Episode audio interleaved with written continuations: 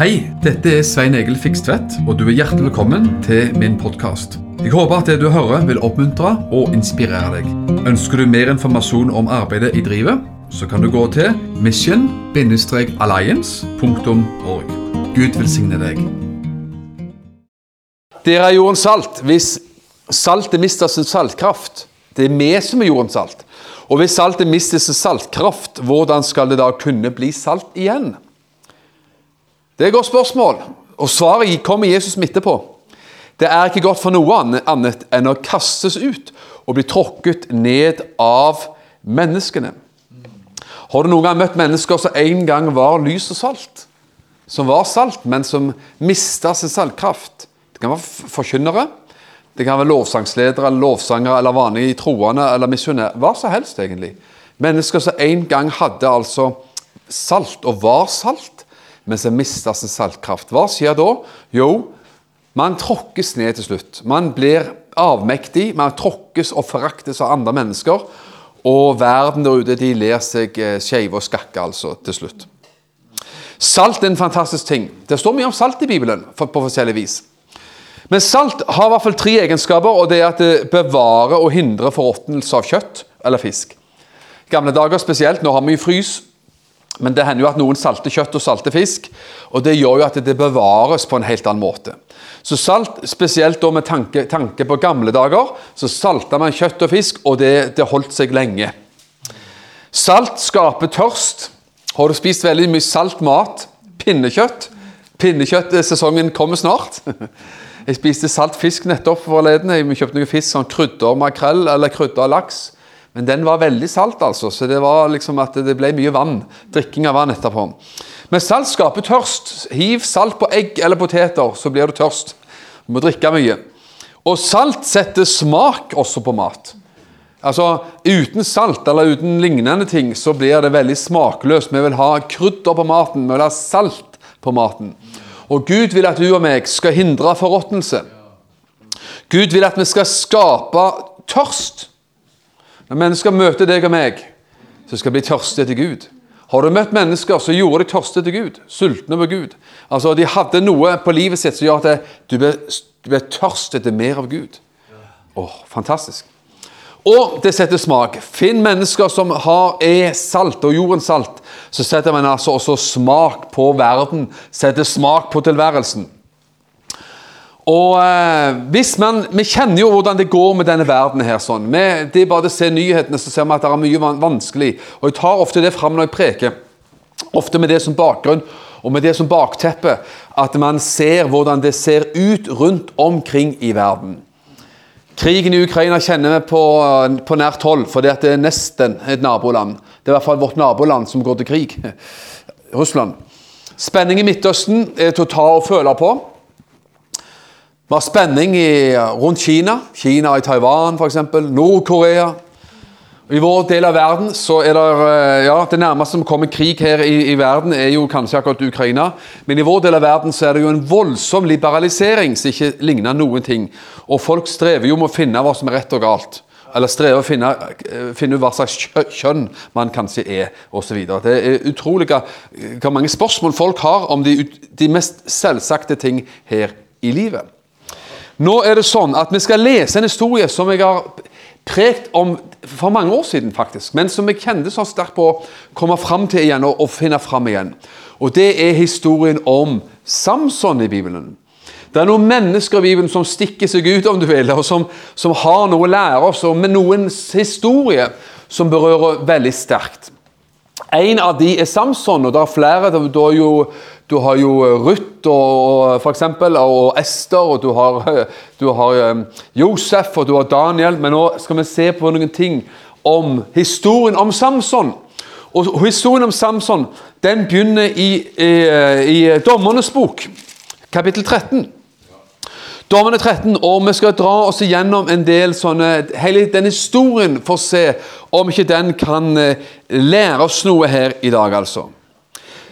Og hvis vi bare følger Jeg, håper, jeg leser kanskje noe, men jeg tar det meste fra litt hukommelse og litt rett fra hjertet. sånn, Og så er det jo litt fra notatene også, da. Men den begynner i Dommerboken kapittel 13. Og det er jo en, eh, kanskje ca. 1200 år før Kristus. Samsons liv var på alle vis et mirakel. Både et mirakel og en tragedie, får man kanskje si. Men hans foreldre de kunne ikke få barn, sier Bibelen. Og ehm, Så antagelig så ba de mye til Gud for å få barn. Det står ikke direkte at de ba til Gud, men hvis vi kjenner de rett og skjønner det rett, så må de ha bedt mye til Gud. Men en vakker dag, fordi det var jo et nederlag, det var regnet som en forbannelse og ikke for barn, så det var ingen lett situasjon. Men en vakker dag så dukker Herrens egen engel opp. altså. Herrens engel dukker opp til mor til Samson og sier det at du skal, du skal bli gravid, du skal få barn. altså. Og Det må jo ha vært fantastisk å få høre nettopp denne her beskjeden at, at du, skal få, du skal få en barn. altså. Og Vi kan lese Dommerne 13,3. Herrens engel viste seg for kvinnen og sa til henne, Se, du er ufruktbar og har aldri født barn, men du skal bli med barn og føde en sønn. Og derfor skal du vokte deg nøye så du ikke drikker vin eller sterk drikk, og ikke spiser noe urent. For se, du skal bli med barn og føde en sønn, og det skal ikke komme rakekniv på hans hode. Han skal altså ikke klippe eller få av håret noen gang. For barnet skal være en Guds nazireer fra mors liv, og han skal begynne å frelse Israel fra filisternes hånd. Altså, Samson, profetien fra engelen, om du vil, om, fra, om Samson var spesiell. Han sa til til mor til Samson du skal vokte deg for hva du eh, drikker, og hvordan du beter livet ditt. altså. Fordi du skal føde en sønn, og han, han altså, han blir det noe ut av. Han skal være en Guds nazireer fra, fra fødselen av. Hele livet sitt skal, være, skal han være en nazireer. Og hva var en nazireer for noe? Ikke nazareer, det var jo Jesus, han kom fra Nasaret. Men en nazireer, hva var det for noe? Jo, det var det at man skulle selvfølgelig leve et innvidd liv for Gud. Et spesielt innvia liv for Gud, med en hensikt. Og Det man da skulle unngå, det var at man ikke skulle klippe håret sitt. Man skulle la håret gro og la det renne, renne nedover, langt nedover. Fordi det var symbol, og det var et ytre tegn på en, en, en, en vielse som man da hadde til Gud. Og man skulle ikke drikke vin eller sterk drikk, så da, da kan du eh, Ja, det, kan vi ta det til oss? Amen. Og man skulle heller ikke komme i nærheten av en død kropp, av et dødt menneske. Man skulle ikke være i nærheten av et lik, faktisk. Og på den måten og andre måter så skulle man altså være et innvia menneske som var spesielt innvia for Gud. Og I Bibelen så var det sånn at noen kunne være nazireer for en periode. Andre var nasirere livet ut. Og Det som da Samson skulle gjøre, og som vi kjenner godt til Han skulle frelse det leste vi også, han skulle frelse israelittene, Guds folk, fra filistene. Og det, Til å gjøre den jobben vet du, så ble han utrusta med en voldsom styrke. altså. Det var ikke make, må, måte på. Og Det er noe Gud kan gjøre. altså. Gud har jo all styrke. Gud kan jo lufte fjell. Gud kan gjøre hva som helst. Og han får vel salve mennesker på den måten han synes best. Og I dette tilfellet så ble Samson salva og utrusta med en enorm fysisk styrke som han skulle bruke til å altså rett og slett beseire eh, eh, filistene og utfri eh, israelittene fra filisternes hånd. Og Han skulle altså være den typen Han skulle også være lys og salt. Han skulle være salt som hindra forråtnelse. Han skulle være salt som skapte tørst etter Gud. Han skulle være salt som også skapte smak på omgivelsene.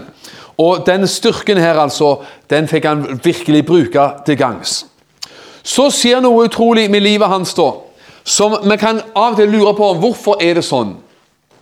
Men vi kjenner til historien, også nyere historie, og ja, fjern og nær historie, om du vil, på mennesker som har vært salva av Gud, kalt av Gud, utrusta av Gud på forskjellig vis, og som bærer en salvelse, eller bar en salvelse, men som likevel hadde eller har, brister i livet sitt, altså en måte svakheter i livet, midt i Guds kall, midt i det at man bærer en salvelse, så ber man likevel som en, som en eh, at man har liksom revner i muren.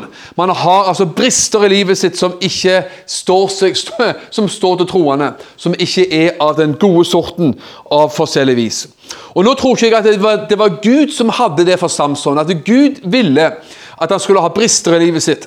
Men han hadde nå en gang sånn, disse bristene i sitt liv. Og Den bristen som han åpenbart finner i Samson sitt liv, det var jo at han var veldig glad i damer. altså. Han, han var... Han, var, eh, han hadde appetitt på damer. Er det lov å si det på et møte? Ja, nå sa jeg det. Unnskyld. Du må tilgi meg. Og Det første historien treffer vi her, altså, i Dommernes bok kapittel 14, vers 1 og nedover der, så står det at han fant, altså, han forelska seg i en filisterkvinne. Altså en kvinne som ikke var en israelitt. Hun var, tilhørte et annet folkeslag, og, og hun tilhørte han falt en annen tro. Altså andre verdier. Hun sto for noe helt annet trosmessig, og hun sto for noe annet når det gjaldt verdier. Og Da gikk han til foreldrene sine denne her Samson, og så hadde jeg funnet ei dame som er filisterkvinne i, i, på et sted som heter Timna. Og han sa bare enkelt til, til foreldrene Hun der altså må jeg ha. Ja, Og da sier Bibelen at, det, at foreldrene var skeptiske. De sa, og Nå sier de på, på, eh, på nytt språk, mitt språk, og, og tar det liksom på litt sånn tabloid format her i dag. Men foreldrene sa det, hadde innvendinger på det. For de mente at han burde finne ei dame å gifte seg med fra hans eget folk. Og som hadde hans type verdier, hans type tro, og som var, liksom passet inn med hans type tjeneste, om du ville. Så de syntes det var en dårlig idé. Men så var Samson en skikkelig stabukk og sa 'Henne må jeg ha', sa han. Jeg bare må! Ikke snakk om noe annet. Han blåste i foreldrenes råd og gifta seg med denne dama i Timna. Og så var det sånn at han også i det, i det opplegget der sånn så traff han en del filistere, naturligvis, folk fra eh, hans, eh, hennes folkeslag. Og han røyk, røyk uklar med de. Han slo i hjel en del av de også. Og eh, ekteskapet varte ikke lenge. Det, det, det, var slutt ganske fort, altså. Og, og så, var det, så, var det, over og ut med det ekteskapet. Og neste historie i Samson, Samson sitt liv Det er lett å veksle Samson og Samsung. Samsung er jo en mobiltelefon. Men Samson, altså. Vi passer på her nå. At vi sier Samson, ikke minst når jeg begynner å si og veksle allerede nå. vet du, Da, blir det underholdning her i kveld, kanskje. Men i Dommerne 16,1 så står det også at hans neste liksom, dameopplegg var at han gikk til Gaza. Og fant altså ei dame der bare for eh, en, en liten en eh, natt. Og det var altså Han var innom en prostituert i Gaza. Og så var jo det selvfølgelig forholdet over på et lite øyeblikk. Og Den tredje episoden som han da hadde, som vi skal stanse mest med her i dag, det var da når han traff ei annen, en tredje dame, dame eh, liksom, eventyr. Det var ei dame da han gifta seg med, så det var jo bra, det. Og hun heter jo Dalila. Hun heter Dalila. Hun var også en filisterkvinne, så det gikk mye i filisterkvinner for denne her eh, Samson, altså. Samsung, Samson. Og Det kan vi lese om da, i Dommerboken kapittel 16, og fra kapittel, eh, kapittel 16 vers 4 og nedover der. Så ser vi jo det at eh, han eh, gifter seg med henne. Og så er det jo sånn da, Når han har gifta seg med denne filisterkvinnen, som sto for en annen tro, andre verdier og var liksom så annerledes på så mange måter, så fikk han ikke bare henne inn på livet, men han fikk også filistene inn på livet. Men det var jo filistene han skulle beseire. Og det vi nå ser, det er at det ikke er han som beseirer filistene, men det er filistene som begynner å beseire han. Og som, Hvorfor deler vi her i dag om den historien om Samson? Det er jo fordi at jeg tror at denne personen Samson har noe å lære oss, naturligvis, selv i 2022. Og jeg tror det at Han kan være et godt bilde på og eksempel på oss som enkeltmennesker, enkeltindivider.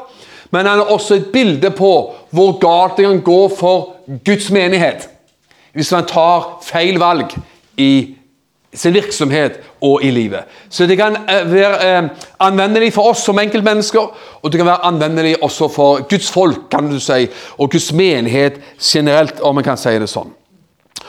Så er det jo sånn at uh, hun Filistene var på denne Dalila, da, hun var jo kona til Samson, og sa at du må finne ut hvor han har styrken sin. henne. Du må finne ut hemmeligheten til salvelsen. Du må finne ut hvorfor han beseirer oss hver gang. For nå har vi lyst til at vi skal heller beseire ham. Og Da var det jo veldig bra for dem at, at, han var gift altså med denne Dalila. Og det var opplegget, altså. Vi er kalt også som Guds menighet til å være annerledes. Samson var annerledes. Samson hadde seier. Samson var salva av Gud. Samson var nazireer som var kalt å være innvia til Gud. Og du og meg er kalt til å være presis akkurat sånn som det. Vi er kalt til å være annerledes. Vi er kalt til å være innvia for Gud. Vi er kalt til å være salva av Gud.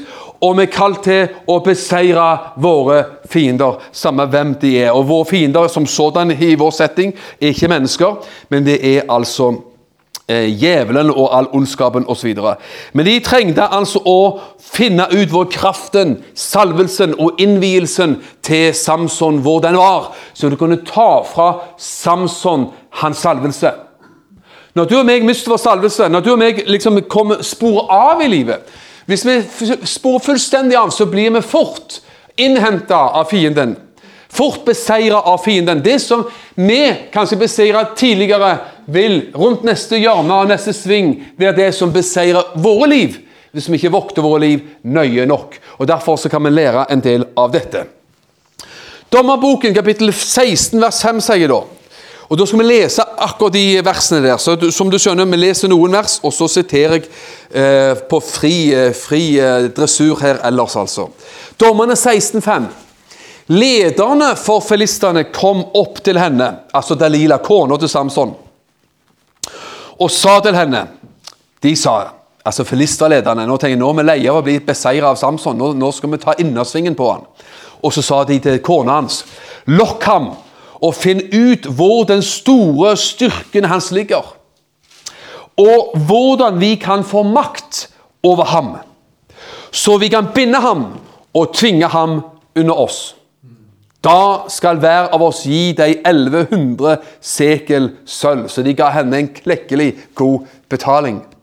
Men tenk på de versene som står her. Og så skal du, Samtidig som vi leser dette, her, så må du også i, i ditt sinn overføre dette på 2022. Våre liv eller Guds menighet, oss kollektivt. Lokk ham og finn ut hvor den store styrken hans ligger. Skjønner man det at det er Guds menighet er kalt å ha Guds styrke i livet? Finn ut hvor den store styrken hans ligger, og hvordan vi kan få makt over ham. Kan du tro at det fins både mennesker med onde hensikter og djevelen sjøl, som lurer på hvordan kan vi prøve å få makt over Guds menighet? Så vi kan binde ham og tvinge ham under oss. Hvis saltet mister sin saltkraft, så er det ikke dugende til noen ting annet, sa Jesus enn å bli tråkka ned av menneskene. Og det er akkurat det vi skjønner hvis vi kjenner historien også om Samson, at han var i ferd med å bli tråkka ned av menneskene. Han var i ferd med å miste sin saltkraft og sin salvelse. Og så kjenner vi også til hva Jesus sa som et løfte. Og det er et herlig løfte som vi må stå på. Matteus 16, 18. På denne klippen skal jeg bygge min menighet. Og dødsrikets porter skal ikke få makt over den. Så det er jo Jesu ønske. Men man vet jo fra historien at det, det er mange lokalmenigheter eller kristne samfunn som har gått nedenom hjem. Men Guds menighet globalt vil stå til evig tid. Guds menighet, Det vil alltid være Guds folk. Det vil alltid være Guds menighet. Når Jesus kommer tilbake igjen, så henter han en, en, en eh, herlig brud. Priser Gud for det. Men underveis har man sett også at menigheter har kommet og gått. Man har sett at lysestaken har flytta seg av og til fra visse plasser og visse menigheter og visse steder. Men for et løfte vi har fra Jesus, at dødsrikets porter skal ikke få makt over menigheten. Men dødsrikets porter, dødsrikes makt, ønsker å forsøke alt hva den kan for å få nettopp makt over menigheten. Og det var det altså filistene ville nå over Samson. Vi skal lokke på ham for å finne ut, for å få makt over ham, så vi kan binde ham og tvinge ham under oss. Og det, nå begynner denne kampen, eller ja, dette, dette bedraget i Samson sitt liv og tjeneste, som vi skal ta for oss altså her nå. Og Nummer én så kan vi lese om det altså i Dommerne 16, vers 7.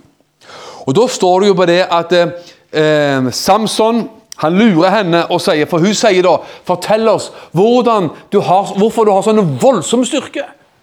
Og Da er det da Samson sier til kona si Og hvis de, sier han, altså filistene, hvis de binder meg med sju friske senestrenger som ennå ikke er tørket, da blir jeg svak. Og så merk deg det som kommer nå, og er som et hvilket som helst annet menneske.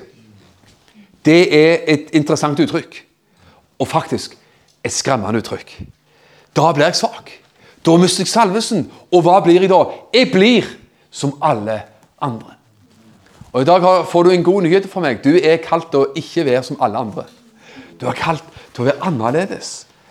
Det er hele tanken når vi leser om israelsfolk i Mosebøkene. Så sa Gud du skal være et annerledes folk. Du skal ikke være som alle andre naboland og hedningene, naboene dine. Du skal være annerledes. Og Den tanken er videreført til oss i, i, i, i, Det nye testamentet, at vi er kalt til å være et annerledes folk. Priser Gud for det. Og Det er noe med det å være annerledes som er kanskje utfordrende av og til. Å gå motstrøms er jo utfordrende. Men så er det et uttrykk som du har hørt mange ganger. Det er bare død fisk som flyter med strømmen. Og så er det levende sprell, levende fisk, som svømmer mot strømmen. Priser Gud. Så du og meg er kalt til å gå og leve motstrøms i livet. Og så skal du få med vet du, eh, eh, et minne fra min barndom, faktisk. Og Det var min far som sa det. Min gamle far ja, gamle far, dessverre ble han ikke gammel, så det, han er i himmelen nå, da, takk og lov. Men han døde tidlig. Men han sa når vi var guttunger, vet du, og det er typisk barn, så kommer det foreldrene og så sier vi kan jeg få lov til det og det og det. Sant? Kan jeg få lov til å komme veldig sent hjem i kveld? eller? Kan jeg få lov til å være med på ditt og datt? Og så sa vi alltid fordi nabogutten får lov. De i klassen får Alle andre får lov. Det er jo alltid det er kronargumentet mot foreldre for små barn. vet du. Alle andre får lov, bare så du vet det, kan jeg òg få lov. Og Da sa far min av og til vet du, Han sa, hadde sånne uttrykk som har satt seg fast i meg. Han sa bare enkelt og greit. Hvis alle andre sa han, hopper på sjøen, så trenger ikke du hoppe på sjøen, sa han. Så tente han opp en ny sigarett. Det, og, og, var godt fornøyd med, med utsagnet sitt, altså. Ja. Han gikk hjem til Gud fort i livet. Ok. Hvis alle andre hopper på sjøen, så er ikke du kalt å hoppe på sjøen. Hvis alle andre skulle gå fortapt, så er ikke du kalt å gå fortapt. Hvis alle andre gjør ditt og alle andre gjør datt, og lever sånn og sånn, så er ikke du og vi kalt nødvendigvis til det samme. Vi er kalt til å være annerledes. Annerledes. Og da er det så herlig når, Tenk at det, Samson, Samson sier her at hvis de blir bundet med senestrenger, liksom kjort fast, da blir jeg svak. Og er som et hvilket som helst annet menneske. Ja vel. Vet hva som skjedde? Jo, de gjorde jo akkurat det. De bandt han opp med senestrenger. Og så roper Dalila, vet du 'Nå kommer filistene for å ta deg, Samson'. Og Han hadde jo, trodde han ennå, eh, full kontroll, og det hadde han jo ennå en tid. Så han reiv seg løs fra alle, all bundethet og alle senestrenger og røska det av og var fri. Og de klarte ikke å fange han og underlegge seg og undertrykke denne Samson. Ok? Så ser jo den tredje, så ser, så ser at den andre gangen, altså Og da blir jo Dalila veldig skuffa og sier at du, og griner vet du, og sier at du, el, kan, du elsker meg ikke siden du er så slem med meg og lyver og holder meg for narr. Altså. Du kan ikke være glad i meg, sa hun. Så hun maser enda en gang, altså, og så sier du må fortelle meg hvordan du kan binde, sier han, sier hun til mannen sin i romene, eh, ikke romene, dommerne 1610. Samson svarer hvis du binder meg skikkelig fast med rep som aldri har vært brukt til noe annet, ja vel, da blir jeg svak og er som et hvilket som helst annet menneske. Halleluja. Du skal ikke bli som et hvilket som helst annet menneske. Hvis du ikke, hvis du ikke får med alt og husker alt vi preker om her i dag, så tenk når du går ut herfra i dag, så skal du bare tenke det Jeg er ikke som et hvilket som helst annet menneske. For jeg er kalt av Gud til å være annerledes. Jeg er Guds barn. Jeg tilhører Guds rike. Og så skjer det samme. vet du. Filistrene kommer for å ta Samson. Og uh, Da har, han blitt bundet, da, og de har denne leken med han. Og så roper kona vet du, 'Nå kommer filistrene for å ta deg, Samson!' og han føler seg vet du, sterk og suveren ennå, og vet at han har salvelsen, han har kraften. Han har, han har nazireer-tjenesten sin ennå intakt, kan man si. Og midt i denne leken som han holder på med ennå, så vet jo at denne gangen også så klarer han å rive det av seg og si at 'jeg er fri, jeg klarer jeg, jeg, lurte, jeg lurte dere igjen'. Men jeg vet ikke at han er i ferd med å bli bundet. Når han leker med salvelsen på den måten, så er man i ferd med å bli bundet. Da er man i ferd med å se en utvikling i livet som ikke er av den gode sorten. Og Derfor man, må man aldri leke med synden, leke med djevelen, leke liksom, eh, på, på, den måten der, men la oss være annerledes enn, den, enn, enn at vi går den dumme prosessen som altså da Samson gjorde. Og Den tredje gangen så kan vi lese også om det i vers 13, altså dommene dommerne til 1613. Og da igjen så, så, så spør hun om dette med hvordan kan du altså overvinnes? Hvordan kan man få tak på deg? Han føler seg suveren, så han, han, han kommer nærmere og nærmere. Og da sier han noe, og da brenner tampen. altså. Tampen brenner. For da sier han hvis du vever de sju hårlokkene på hodet mitt inn i renningen på veven Oi, oi. Da, sier han, da skjer det noe. Altså, Til nå så har de snakket om rep og tau og senestrenger og liksom bundet han på hender og føtter og sånt. Men nå kommer det nærmere, for nå begynner han å snakke om håret sitt. Håret, Det lange håret som hadde med nazirealøftet å gjøre. Så hadde med hans annerledeshet å gjøre, og hans innvielse å gjøre. Og Da sier han igjen hvis du vever de sju hårlokkene på hodet mitt inn i renningen på veven, da altså, da er jeg ferdig. Så vet vi hva som skjer. Enda en gang så kommer filistene over han, og han klarer også denne gangen å rive seg løs. Så, så renningen og pluggen og alt mulig, det bare fyker veggimellom. altså. Det, det, det ødelegges alt sammen. Sterk og mektig var han. Enda en gang klarer han å lure sin fiende. Men det skal endre seg faktisk veldig, veldig fort. Og etter alle disse tre gangene her sånn, så er jo selvfølgelig Dalila hun føler seg så lurt og så hersa med av sin egen mann og, og så dårlig behandla. Så hun gråter og hun, hun klager sin nød at, hun, at, at nå, nå, nå, klarer jeg ikke mer. altså. Nå, nå er det, du, du, kan umulig være glad i meg sånn som du holder det gående. altså. Og Da står det vers 16. Etter at hun da, da, da trykker på enda mer vet du, for å få tak i nøkkelen til salvelsen. Etter at hun hver dag hadde trengt seg på ham, står det da. Så nå gikk det mange dager. Hver dag hadde trengt seg på ham med ordene sine og lagt press på ham. Lagt press på ham. Djevelen vil legge press på deg og meg. Hun la press på ham helt til hans sjel ble mismodig like til døden. Det kalles gjerne for utmattelseskrig. En stillingskrig. Man blir utmattet, man blir trøtt og lei. Man blir bare sånn trøtt og mismodig og trøtt, psykisk trøtt av alt det opplegget. altså. Og der skjer det noe. Hun har mast og mast og har trengt seg på han og kjørt på med han, for han ble med på denne leken tidligere, tydeligvis.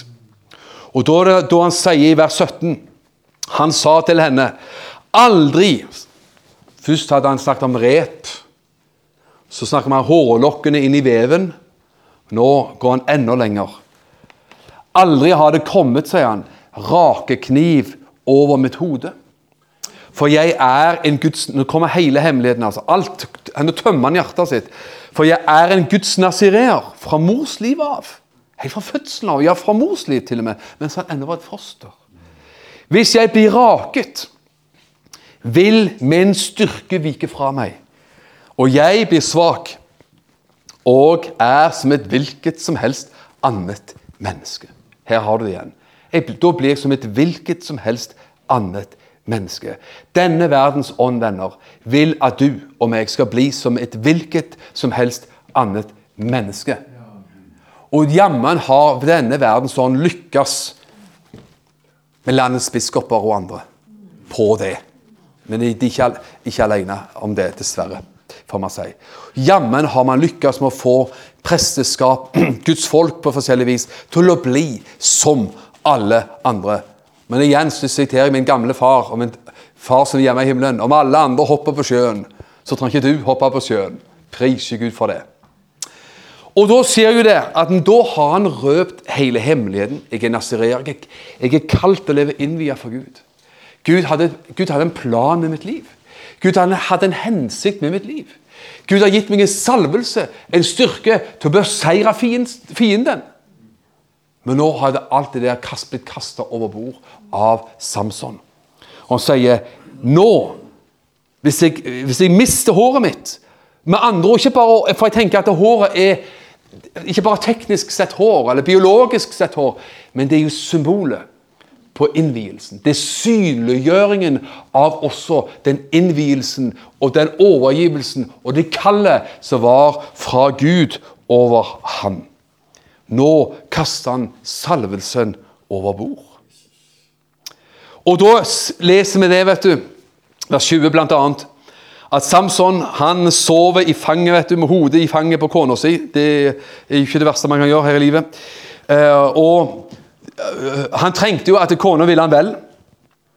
Men da vet du, fikk kona hans, Dalila, som var filisterkvinne, hun fikk noen til å komme mens han sov søtt i hennes fang og ante fred og ingen fare. Så fikk de klippa håret hans, faktisk. Av med hele håret, av med alle de lange lokkene hans osv. Og, sånn. og da var han ikke den suverene mannen lenger likevel. Da var hans tid over. Og hva skjedde da? Jo, igjen så var det det. De ropte, vet du. 'Nå kommer filistene! Nå, nå kommer de enda en gang!' Og han tenkte, han våkna opp og tenkte det her er business as usual, som man sier på nynorsk. Eller engelsk er det vel.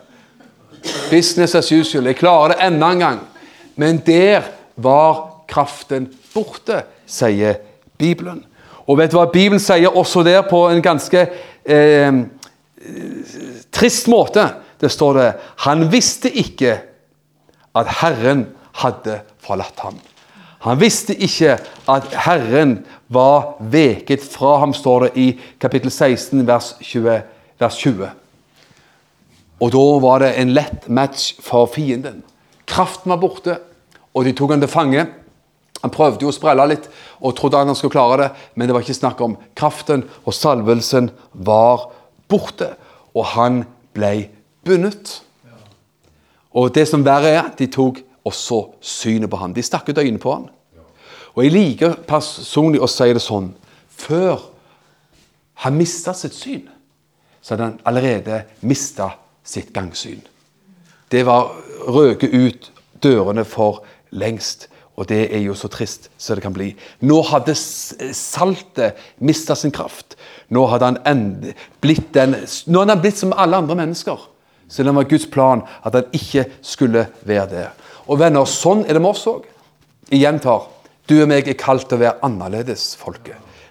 Og du, Det finnes mange krefter i denne verden som vil få oss til å bli som alle andre. Men Gud vil at du ikke skal eh, bli som alle andre. La meg lese en bibelkommentar om Samson her. En fin kommentar. Samson, Samsons fysiske styrke gjorde han i stand til å vinne store seirer. Men hans moralske svakhet førte til hans store nederlag. Fysisk styrke førte til seire. Moralsk svakhet ble hans tragiske skjebne til slutt. De stakk et øyne på han, de satte han i fengsel og de lot han gå rundt der for å treske, treske uh, kornet osv. Så, videre og sånn. så han, han, var jo plutselig blitt en trell. Han, Filistene var, de var elleville av begeistring. De blinde han og tok synet på han. De satte han til å male tårn i fengselet, sier Bibelen i 1621. Nå var han en som hadde beseiret fienden før. Nå ble han en som hadde blitt trell under fienden. Og så står det så tragisk at når de hadde fest, så kaller de inn Samson for fengselet, og så brukte de han til underholdning. Fra salvelse til underholdning. Ut med salvelsen, inn med underholdning. Er det sånn også av og til for oss? Når salvelsen er borte, så må man for alt i verden finne på noe annet. Er det da underholdning? De brukte han til, til, til, som en, nesten som en klovn, kan man si.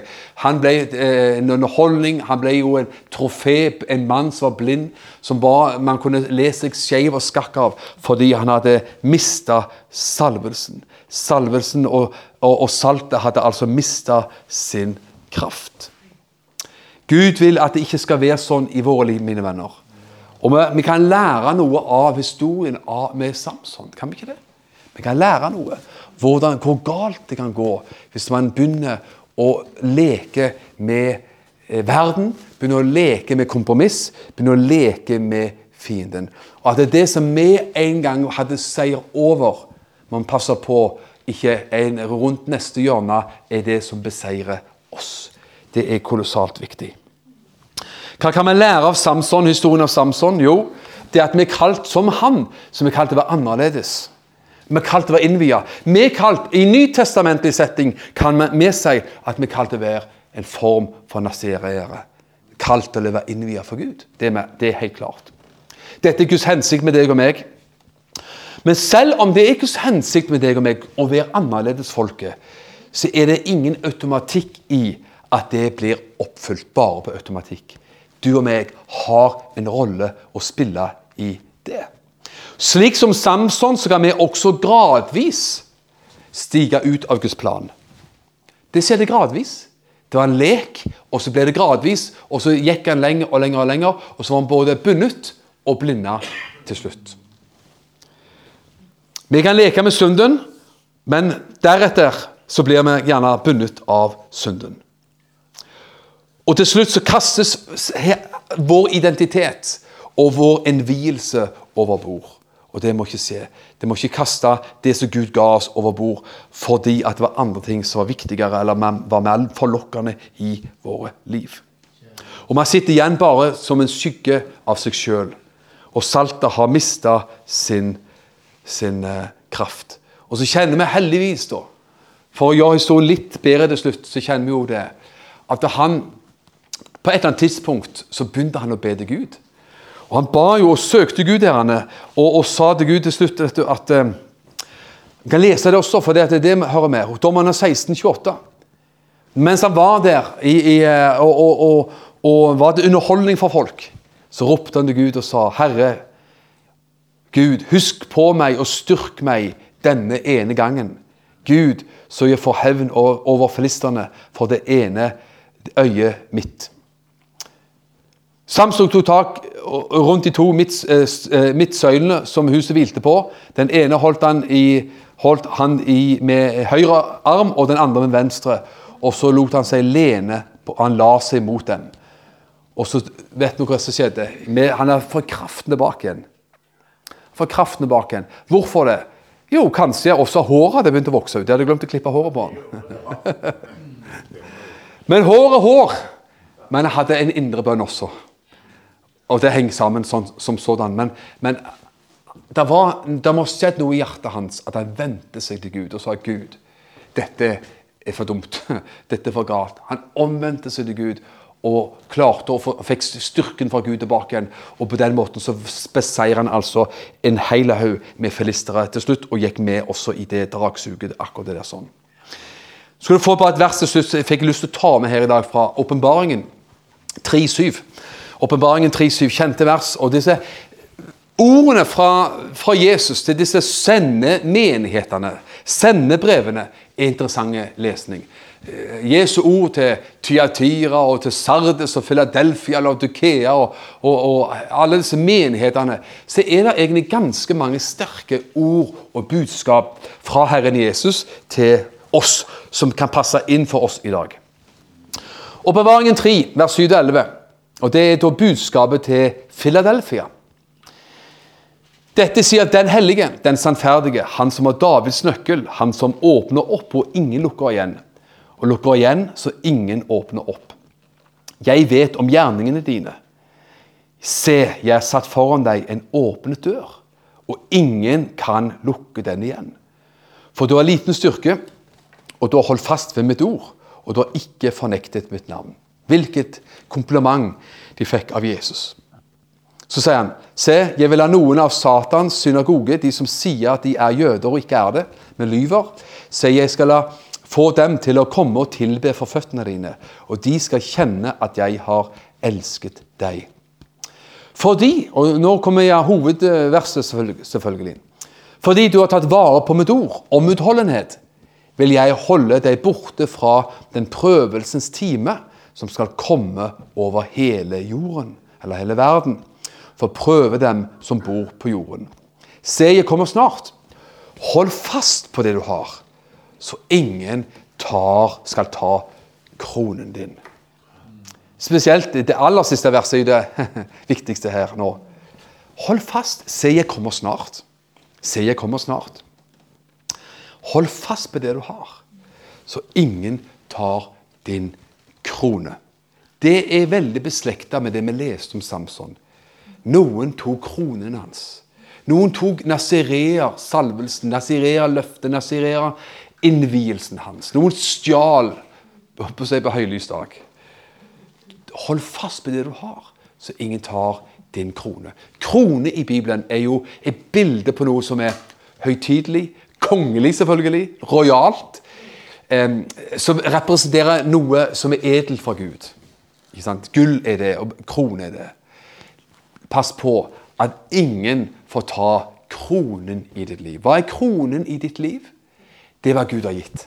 Ja, det er salvelsen, det er tjenesten, det er den visjonen, den drøm Gud har lagt ned i ditt hjerte. Det er de gaver Gud har gitt deg. Det er de edle verdier Gud har gitt og lagt på ditt liv. La ingen ta det. Selv om gribbene står i kø, haiene står i kø for å gjerne ta det og alt annet fra våre liv. Men dødsrikets porter skal ikke få makt over den. Og dødsrikets porter skal ikke få makt over deg og meg. Amen. Takk for at du har lytta til denne podkasten. Jeg ønsker deg en velsigna god dag.